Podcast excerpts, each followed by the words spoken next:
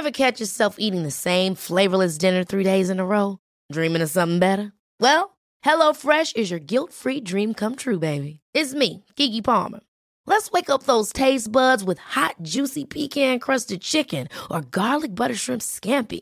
Mm. Hello Fresh. Stop dreaming of all the delicious possibilities and dig in at HelloFresh.com. Let's get this dinner party started. Hey, I'm Ryan Reynolds. Recently, I asked Mint Mobile's legal team if big wireless companies are allowed to raise prices due to inflation. They said yes. And then when I asked if raising prices technically violates those onerous two year contracts, they said, What the f are you talking about, you insane Hollywood ass?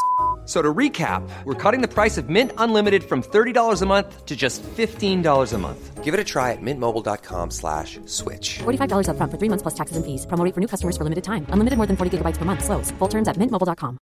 One size fits all seemed like a good idea for clothes Nice dress. Uh, it's a it's a t-shirt. until you tried it on. Same goes for your healthcare.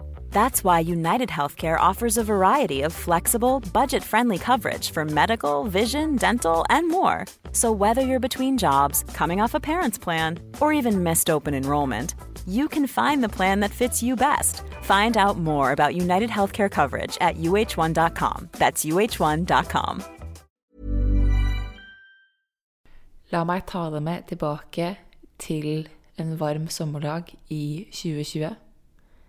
Nærmere bestemt Williamsburg, Brooklyn. Jeg ligger på en solseng på, en, på et tak. Svetten pipler. Det er biler som tuter. Det er mennesker som bråker. Du har T-banestøy i bakgrunnen. Jeg enser ingenting. Jeg har dykket ned i en rød bok. Denne boken kommer til endre livet mitt. Jeg vet det bare ikke ennå. Boken jeg leser, er 'Radikal tilgivelse' av Colin Tippen.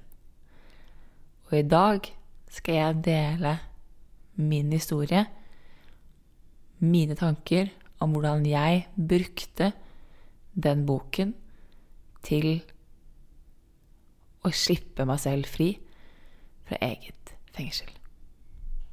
Velkommen til en ny episode av Becoming.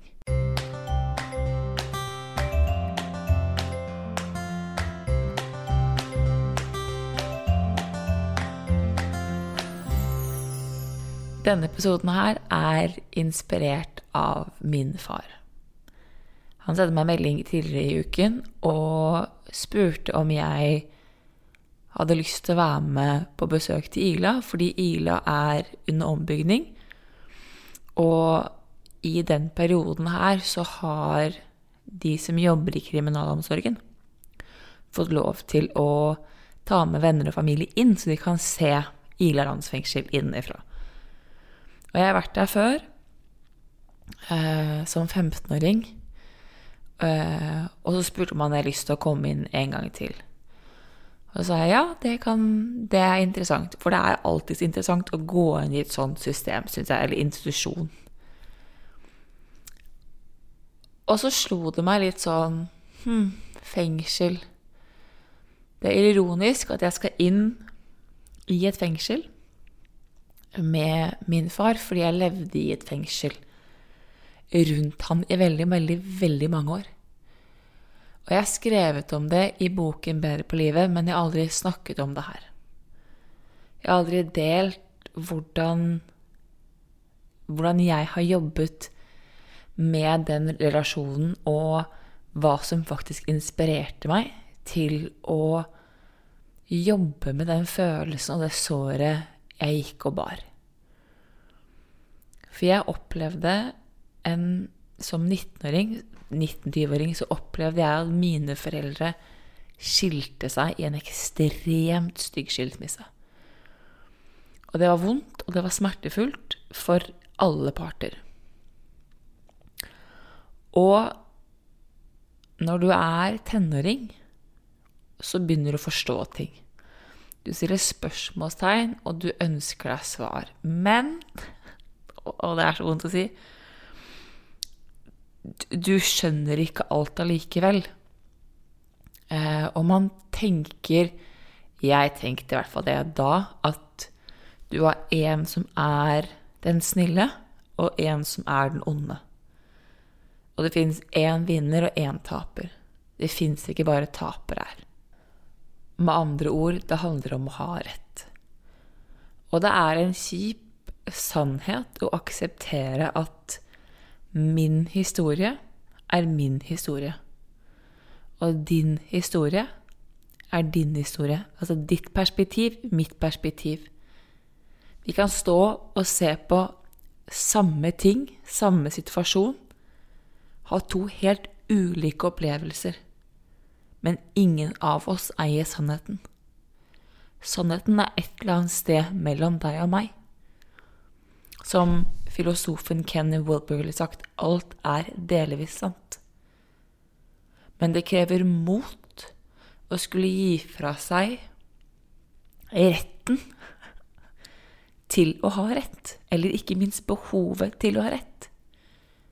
Å kunne akseptere alt som delvis sant, eller rett og slett utvikle evnen, som Brené Brown kaller for kognitiv empati, som på psykologi, altså i psykologien kalles for mentalisering. Evnen til å se en sak fra et annet menneskes side. Og jeg nevner boken 'Radikal tilgivelse' fordi fordi det var Colin som ga meg denne åpningen i boken hans. Hvor han introduserte meg Altså, Vishnu Lakiani hadde, hadde begynt gjennom The Code of the Extraordinary Mind. Michael Beckwood hadde tatt det videre i et kurs jeg tok med han, men med Colin Tippen så fikk jeg det sånn sort på hvitt. Tilgivelse handler ikke om Det er ikke et spørsmål om skyld, men tilgivelse handler om å gi slipp på følelsen. Og som han sa, at inntil du slipper følelsen, så vil følelsen alltid dra deg tilbake til fortiden. Du vil alltid leve i fortiden, og det mennesket som har gjort deg vondt, vil alltid ha den makten over deg. Og vil du leve et Og det var altså Vishnagiani sa jo det. Vil du leve, leve et ekstraordinært liv, så vil tilgivelse være en av de viktigste pilarene du kan bygge det livet på.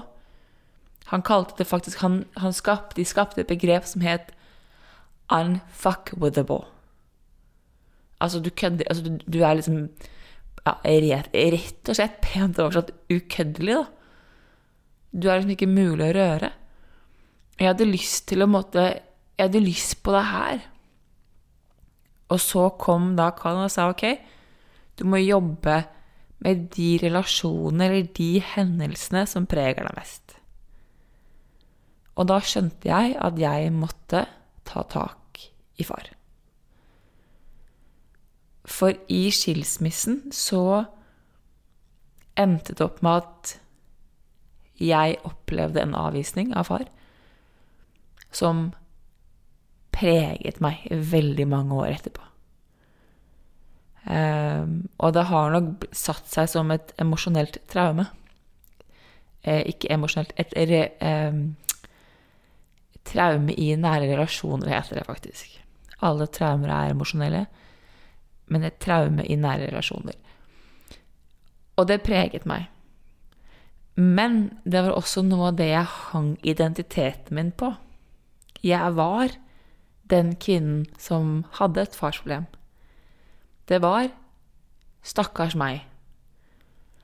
Hvis ting gikk galt, så var det alltid det som fikk Var det det såret, den hendelsen, som fikk Altså ble årsaken til det, da.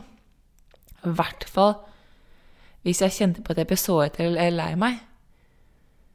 Og når du på en måte ikke har kontakt med et menneske på ti år, og det fortsatt går og styrer hverdagen din, så er det ganske mye sånn kraft og makt du faktisk gir fra deg. Og det er som både Vishnakiani, Michael Beckwood og Colin Tippin sier, at det handler ikke om selve hendelsen, Det handler om hva du gjør etterpå. Det er der ditt ansvar ligger. Og vi kan ikke styre livet, og kjipe ting skjer mot gode mennesker hele tiden. Det har vi null kontroll på. Det vi har kontroll på, det vi kan ta ansvar for, er vår ansvar for, er vår reaksjon. Og jeg skylder alt til den kvinnen Det var vel egentlig mer jente på et tidspunkt, her. Som uviten sa ok. Jeg er så dedikert til å leve det ekstraordinære livet at jeg er villig til å gå inn i det såret som heter far. Uviten om at det såret også tilsier en haug av andre sår, blant annet også skilsmissen. Å prosessere og føle alt. Å tørre å se ting fra flere sider. Å tørre å åpne opp det perspektivet og se at den sannheten jeg en gang har båret, er ikke nødvendigvis hele sannheten.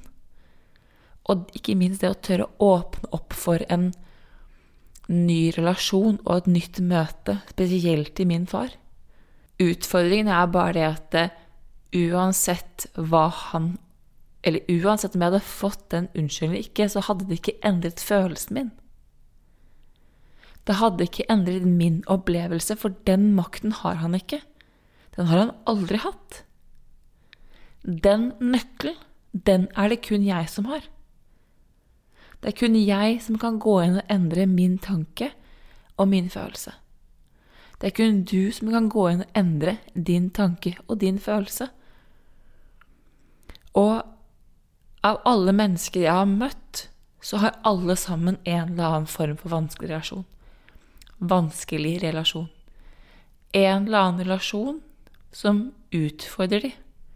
Hvor det er mye Det er smerte, det er sår jeg, jeg, altså Det fins ikke en relasjon i livet som ikke kommer til å såre deg.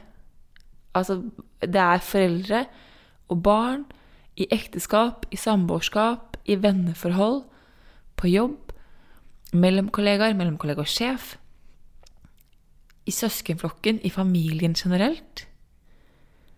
Jo nærmere relasjonen er, jo sårere er det når vi opplever å bli såret. Og disse relasjonene vil såre oss, for det er en del av vår utvikling. Og da er mitt spørsmål hvordan skal du møte, og hvordan skal du møte deg selv? Har du da behovet for å ha rett? Og eventuelt hva er det det behovet gir deg? Eller er du villig til å føle den følelsen som ligger i bunn? For det som er et interessant, er at den, altså, kroppen klarer ikke å skille, eller hjernen klarer ikke å skille, mellom en indre og en ytre opplevelse.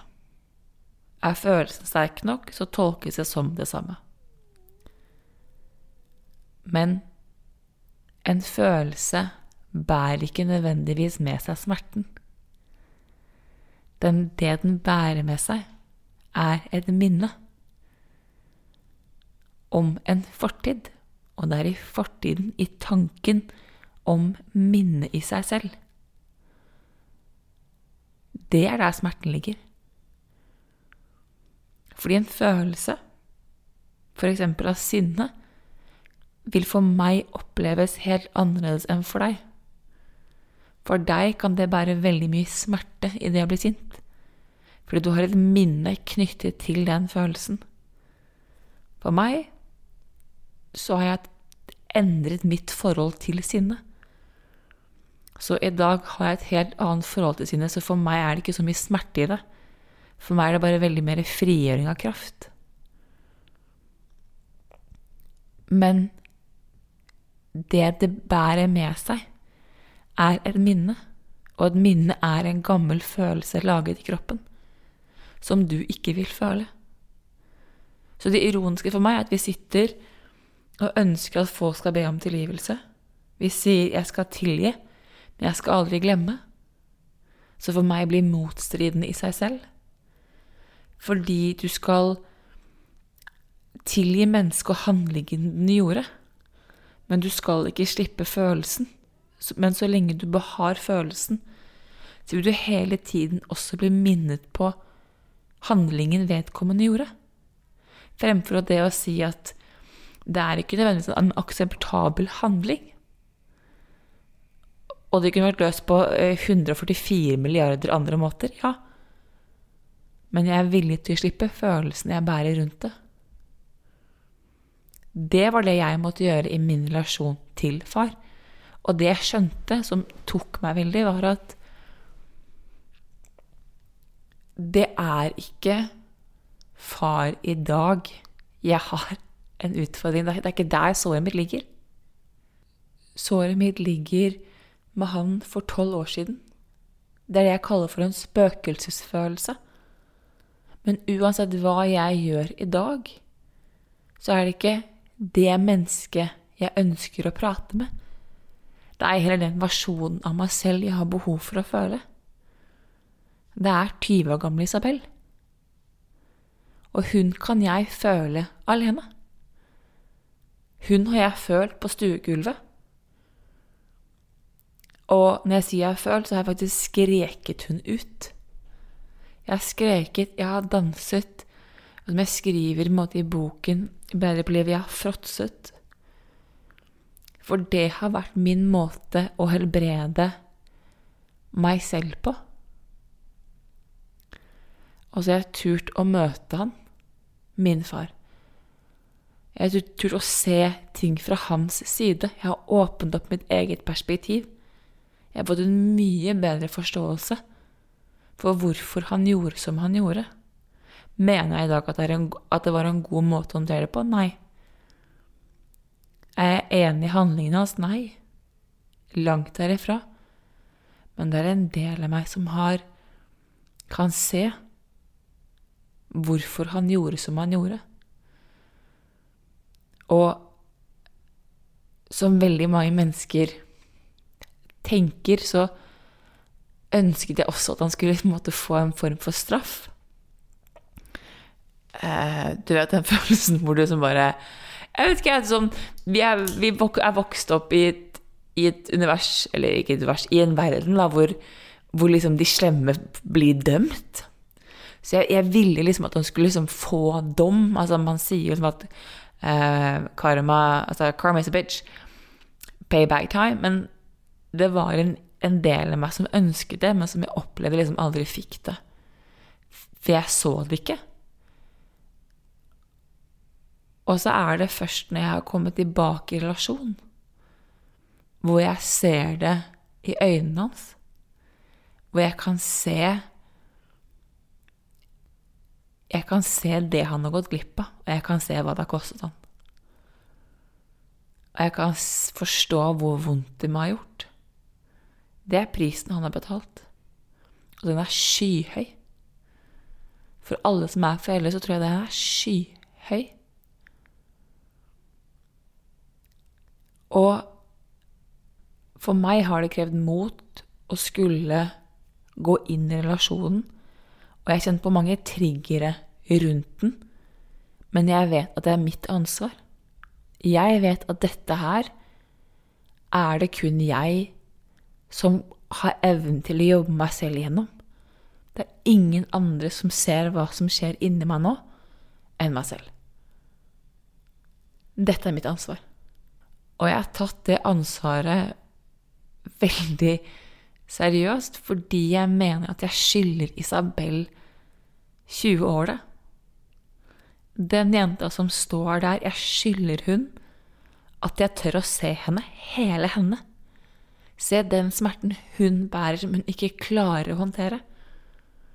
For det er der mesteparten av mitt sår ligger. Det er det minnet om alle de andre sårene som lå i bunn.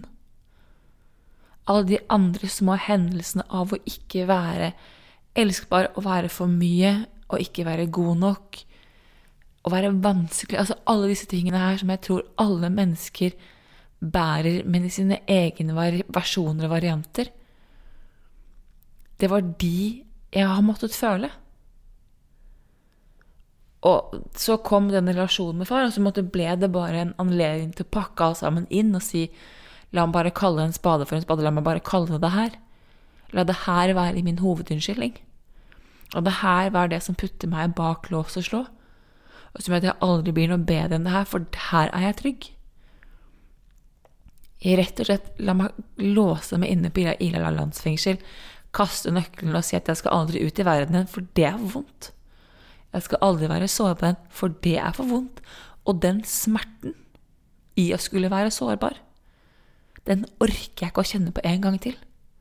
Den smerten i det å møte den yngre versjonen av meg selv, det orker jeg ikke å kjenne på en gang til. Så derfor så låser jeg meg selv inne, og så lever jeg her. Og jeg sa liksom tidlig i podkasten at jeg startet uviten. For jeg har ikke forstått hvor mye det har krevd, og jeg har ikke forstått hvor mange lag det har satt og hvor mye av meg det har styrt. Å si at det har sittet bak lås og slå i eget liv, er faktisk helt sant. Og det er meg selv som har satt meg der. Og det høres kjipt ut, og det høres Det høres kjipt ut, og det, og det høres eh, Det kan høre litt sånn kontroversielt ut, men i mine øyne så er det sant, for vi har alle sammen et ansvar, som sagt, om hva vi velger å gjøre med våre følelser. Om noen sår bruker man lengre tid på det andre. Men konseptet av tilgivelse, konseptet av det å slippe den følelsen, tenker jeg er kjempeviktig at vi prater om. Å utfordre den tanken om at men hva om du ikke eier hele historien? Hva om det er mer enn det øyet ditt kan se? Men eneste måten hvor du kan se mer, er ved å slippe de Den plassen du står på. Du må slippe perspektivet ditt. Eller du må åpne opp. Det er litt som at se for deg at du står på en utsiktspost, og så ser du utover Ja uh, Nå bruker jeg New York, det er fordi det er liksom det beste jeg har, men hvis du står på Empire State og ser utsikten derifra, så kan du stå og se mot vest, altså West Side. Og du vil se mot New Jersey. Du vil se Hampton, um, Houston River. Se langt inn mot Jersey, og du kan se delvis nedover. Mot liksom Midtown og Downtown. Hvis du skifter, hvis du går 180 grader rundt det bygget der, så vil du bli stående og se mot Brooklyn. Og du kan se Long Island, um, og igjen du ser East Side. Også Midtown og nedover Downtown. Går du 90, måte 45 grader opp, så ser du bare Uptown, altså da ser du The Bronx. Og går du da 90 180 grader igjen ned, så ser du bare nedover. Altså Midtown og alt sammen. Poenget mitt er å si at eh, gå rundt det bygget der, og du ser hele utsikten. Men du må tørre å slippe et holdepunkt som kanskje er New Jersey eller Brooklyn, for å kunne se mer. Du må tørre å slippe det som du har stått og holdt deg fast i. Og det at det fins én sannhet. For det er det vi har vokst opp med. Én har rett, én er feil. Det er én vinner, det er én taper. Det er én som er skyldig, og så er det én som er et offer men den skyldige har like mye ansvar i å gjøre jobben som det offeret har. Jobben må gjøres på to ulike måter, men det fratar deg ikke ansvaret for følelsen du bærer, i mine øyne. For begge to kan bli fanget av en og samme hendelse, men fanget i hver sin historie, i hvert sitt liv. Og den ene kan ønske en straff uten å vite konsekvensene av det emosjonelle livet til den skyldige. Det har tatt meg lang tid å komme hit, og det er fortsatt lag som ligger. Men det jeg har sett, og det jeg kan se, er at jeg ser også at jeg har hatt et ansvar inn. I min relasjon så har jeg det. Og den kunne vært løst på, som sagt, 144, 144 milliarder andre måter enn det den ble løst på, av begge parter. Jeg var også veldig villig til å akseptere avvisningen som sann. Det var lettere for meg å akseptere den som sann enn som sagt å føle følelsen. Og for deg som har lyst til å tenke sånn Ok, Isabel, du har holdt på med det her i fire-tre år, liksom. Og det har jeg. Akkurat den relasjonen her og den tilgivelsen her har jeg jobbet med i tre år. Og det er, har vært utfordrende bare fordi folk rundt, noen sitter fast i fortiden. Noen nekter å gå videre, noen nekter å slippe den historien eller det utsiktspunktet de, står på. De nekter. Og dermed vil de ei heller la meg få lov å gi slipp. Det kan være en utfordring. Andre vil helst glemme, de vil ikke bli minnet på.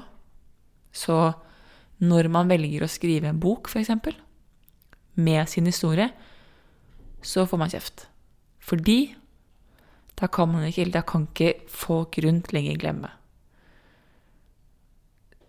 Så det er sagt, så har far vært klar over at historien er skrevet. Eh, og han har latt meg dele i min historie. Og fortsatt stått der. Og for det er jeg faktisk evig takknemlig for. At han lar meg være meg, og tar meg imot nå med åpne armer, akkurat sånn som jeg er, er tror jeg en av de største gavene han kan gi meg. For nå lar han meg få lov å føle og være meg. På min måte. Og det Og det krever mot. Og det tenker jeg det skal han ha for. Det fortjener han også å få ros for. For det er ikke alle som hadde turt det. Eh, eller som hadde tålt det. Og for meg sin tenker jeg bare at det betyr at begge to jobber. Men tilbake til poenget mitt er at noen mennesker er ikke villige til å gi slipp. Og for de menneskene rundt deg, eller deg selv, hvis ikke du er villig til å gi slipp, ok, så er kanskje ikke tiden inne heller. For deg som lytter nå, som tenker sånn, Isabel, jeg har lyst, men du har holdt med deg i tre år, så kan jeg si ja, det har jeg. Jeg har holdt med deg i tre år, men jeg måtte starte et sted. Og det jeg måtte starte med, er hva er fakta, og hva er historien jeg forteller meg selv? Hva er det som er historien rundt den relasjonen? Hvilken tolkning sitter jeg igjen med? Så for deg som har en vanskelig relasjon i livet ditt, som blir trigget om det er av en leder, om det er av familievenner, samboere, ekkjærester, you name it. Hva er det den historien du forteller deg selv, gir deg? Hvilke sår er det den minner deg på? Hva er kjernen i historien din? Er det det at du føler deg ikke god nok? Er det det at du føler deg utilstrekkelig? Føler du deg slem? Føler du deg skyldig? Har du dårlig samvittighet? Og hva er det du skulle ønske at den andre parten hadde gitt deg? For hvis du kan se på hva du ønsker av den andre parten, så er det mye lettere å se hva du må begynne å jobbe med. Veldig mange mennesker ønsker frihet. De ønsker å bli sluppet fri. Som sagt, eneste menneske som kan slippe deg selv fri, er deg. Så når jeg har fått oversikt over det her, så ville jeg faktisk stilt meg selv spørsmålet Hva er det Og dette her er det var vondt.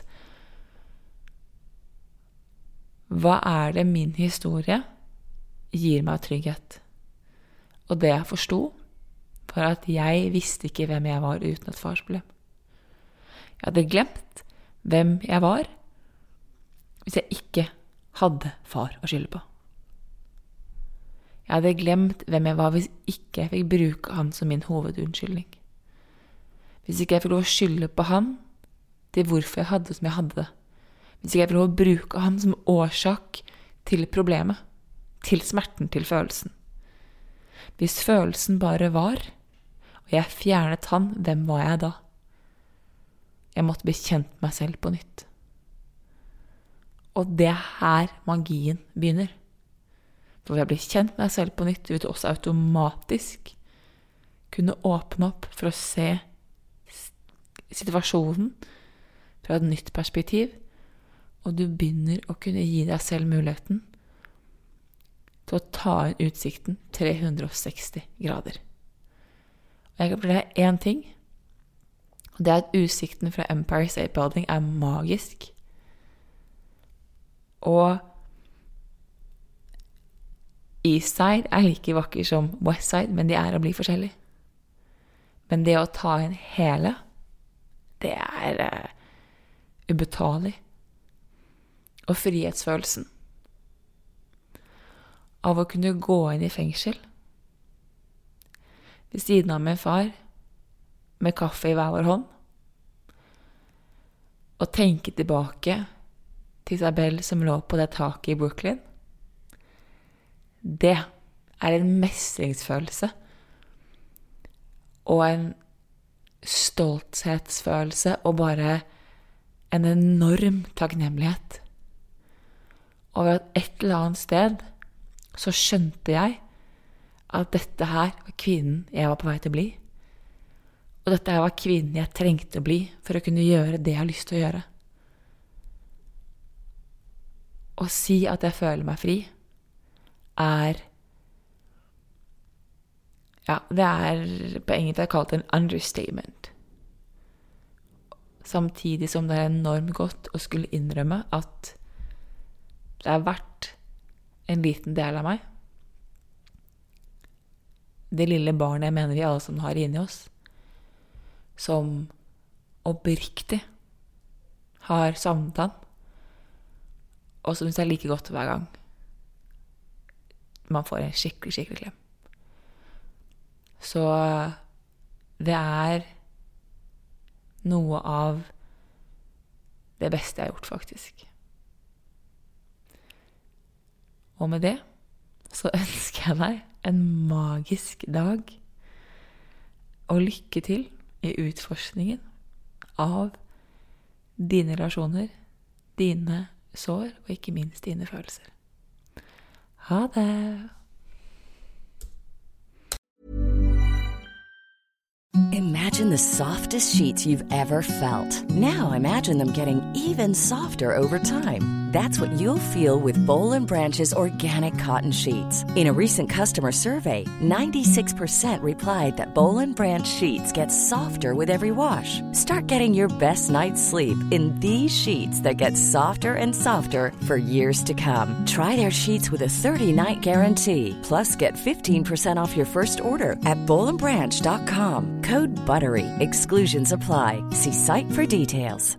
Hey, it's Paige DeSorbo from Giggly Squad. High quality fashion without the price tag. Say hello to Quince. I'm snagging high-end essentials like cozy cashmere sweaters, sleek leather jackets, fine jewelry, and so much more. With Quince being 50 to 80% less than similar brands. And they partner with factories that prioritize safe, ethical, and responsible manufacturing. I love that. Luxury quality within reach. Go to quince.com slash style to get free shipping and 365 day returns on your next order. quince.com slash style. Ever catch yourself eating the same flavorless dinner three days in a row? Dreaming of something better? Well, HelloFresh is your guilt-free dream come true, baby. It's me, Kiki Palmer. Let's wake up those taste buds with hot, juicy pecan-crusted chicken or garlic butter shrimp scampi. Mm. Hello Fresh. Stop dreaming of all the delicious possibilities and dig in at HelloFresh.com. Let's get this dinner party started. Imagine the softest sheets you've ever felt. Now imagine them getting even softer over time. That's what you'll feel with Bowl and Branch's organic cotton sheets. In a recent customer survey, 96% replied that Bowl and Branch sheets get softer with every wash. Start getting your best night's sleep in these sheets that get softer and softer for years to come. Try their sheets with a 30-night guarantee. Plus, get 15% off your first order at bowlandbranch.com. Code BUTTERY. Exclusions apply. See site for details. When you make decisions for your company, you look for the no-brainers. And if you have a lot of mailing to do, stamps.com is the ultimate no-brainer. It streamlines your processes to make your business more efficient, which makes you less busy. Mail checks, invoices, legal documents, and everything you need to keep your business running with stamps.com. Seamlessly connect with every major marketplace and shopping cart. Schedule package pickups and see your cheapest and fastest shipping options from different carriers. With rates up to 89% off USPS and UPS rates. And with the Stamps.com mobile app, you can take care of mailing and shipping wherever you are. Make the same no-brainer decision as over 1 million other businesses with Stamps.com. Sign up with Code PROGRAM for a four-week trial, plus free postage and a free digital scale. No long-term commitments or contracts. That's stamps.com. Code program.